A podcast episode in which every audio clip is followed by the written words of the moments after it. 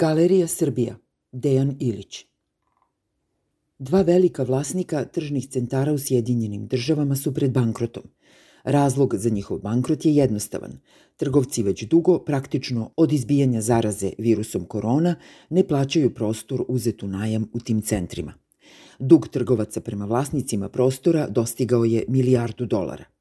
U poređenju sa Sjedinjenim državama, Srbija, a pre svega Beograd, izgleda kao zemlja snova za tržne centre.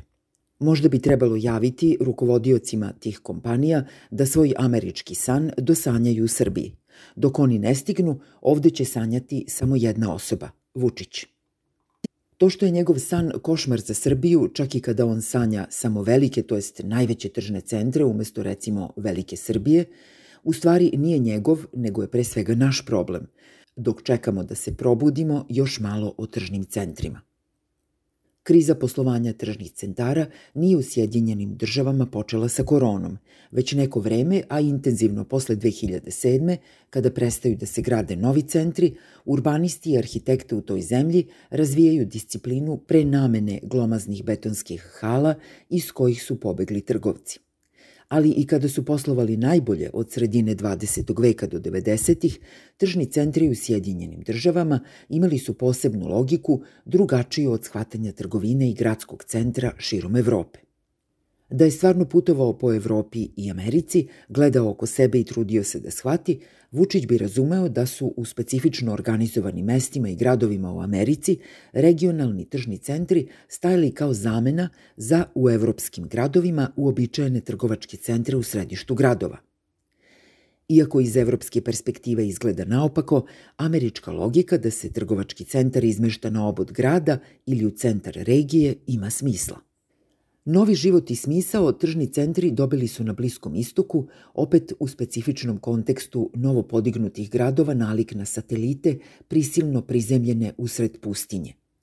Izolovani od okruženja, sa posebnom klimom, zaštićeni od spoljašnjeg lošeg vremena, tržni centri na Bliskom istoku, odakle nam stiže jedan od vlasnika nedavno otvorene galerije, nisu bili zamena samo za tradicionalne bazare, U ostalom, tamo gde su bazari ostali živi u velikim gradskim središtima, tržni centri nisu se ni gradili, već i za oaze, to jeste za ono što su oaze bile u utopijskom imaginariju nastalom u opreci spram realnih slika pustinje. U evropskim gradovima pak, uz nešto malo izuzetaka, tržni centri zadržali su se na obodima, to jest u predgrađima, kao svojevrsna neoliberalna potrošačka utopija za lošije stojeće žitelje metropola. Dobro, ne baš u svim evropskim gradovima, recimo ne u Beogradu, gde se tržni centri grade u samom centru grada. Uključujući tu i Vučićev san, galeriju u Beogradu na vodi, najveći trgovački centar u ovom kom tačno delu sveta.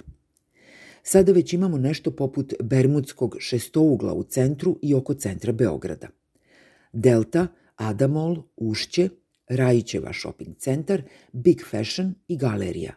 Mall, shopping centar i Big Fashion kao izrazi ljubavi režima prema Ćirilici, naravno. Ova svojevrsna trgovačka crna rupa usisaće u sebe i uništiti sve ono što bi inače trebalo da postoji u trgovačkim zonama u središtu grada pre nego što i sama sebe proguta.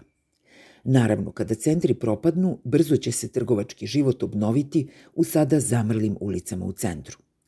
Pitanje je šta raditi sa betonskim monstrumima u jezgru grada jednom kada ostanu prazni.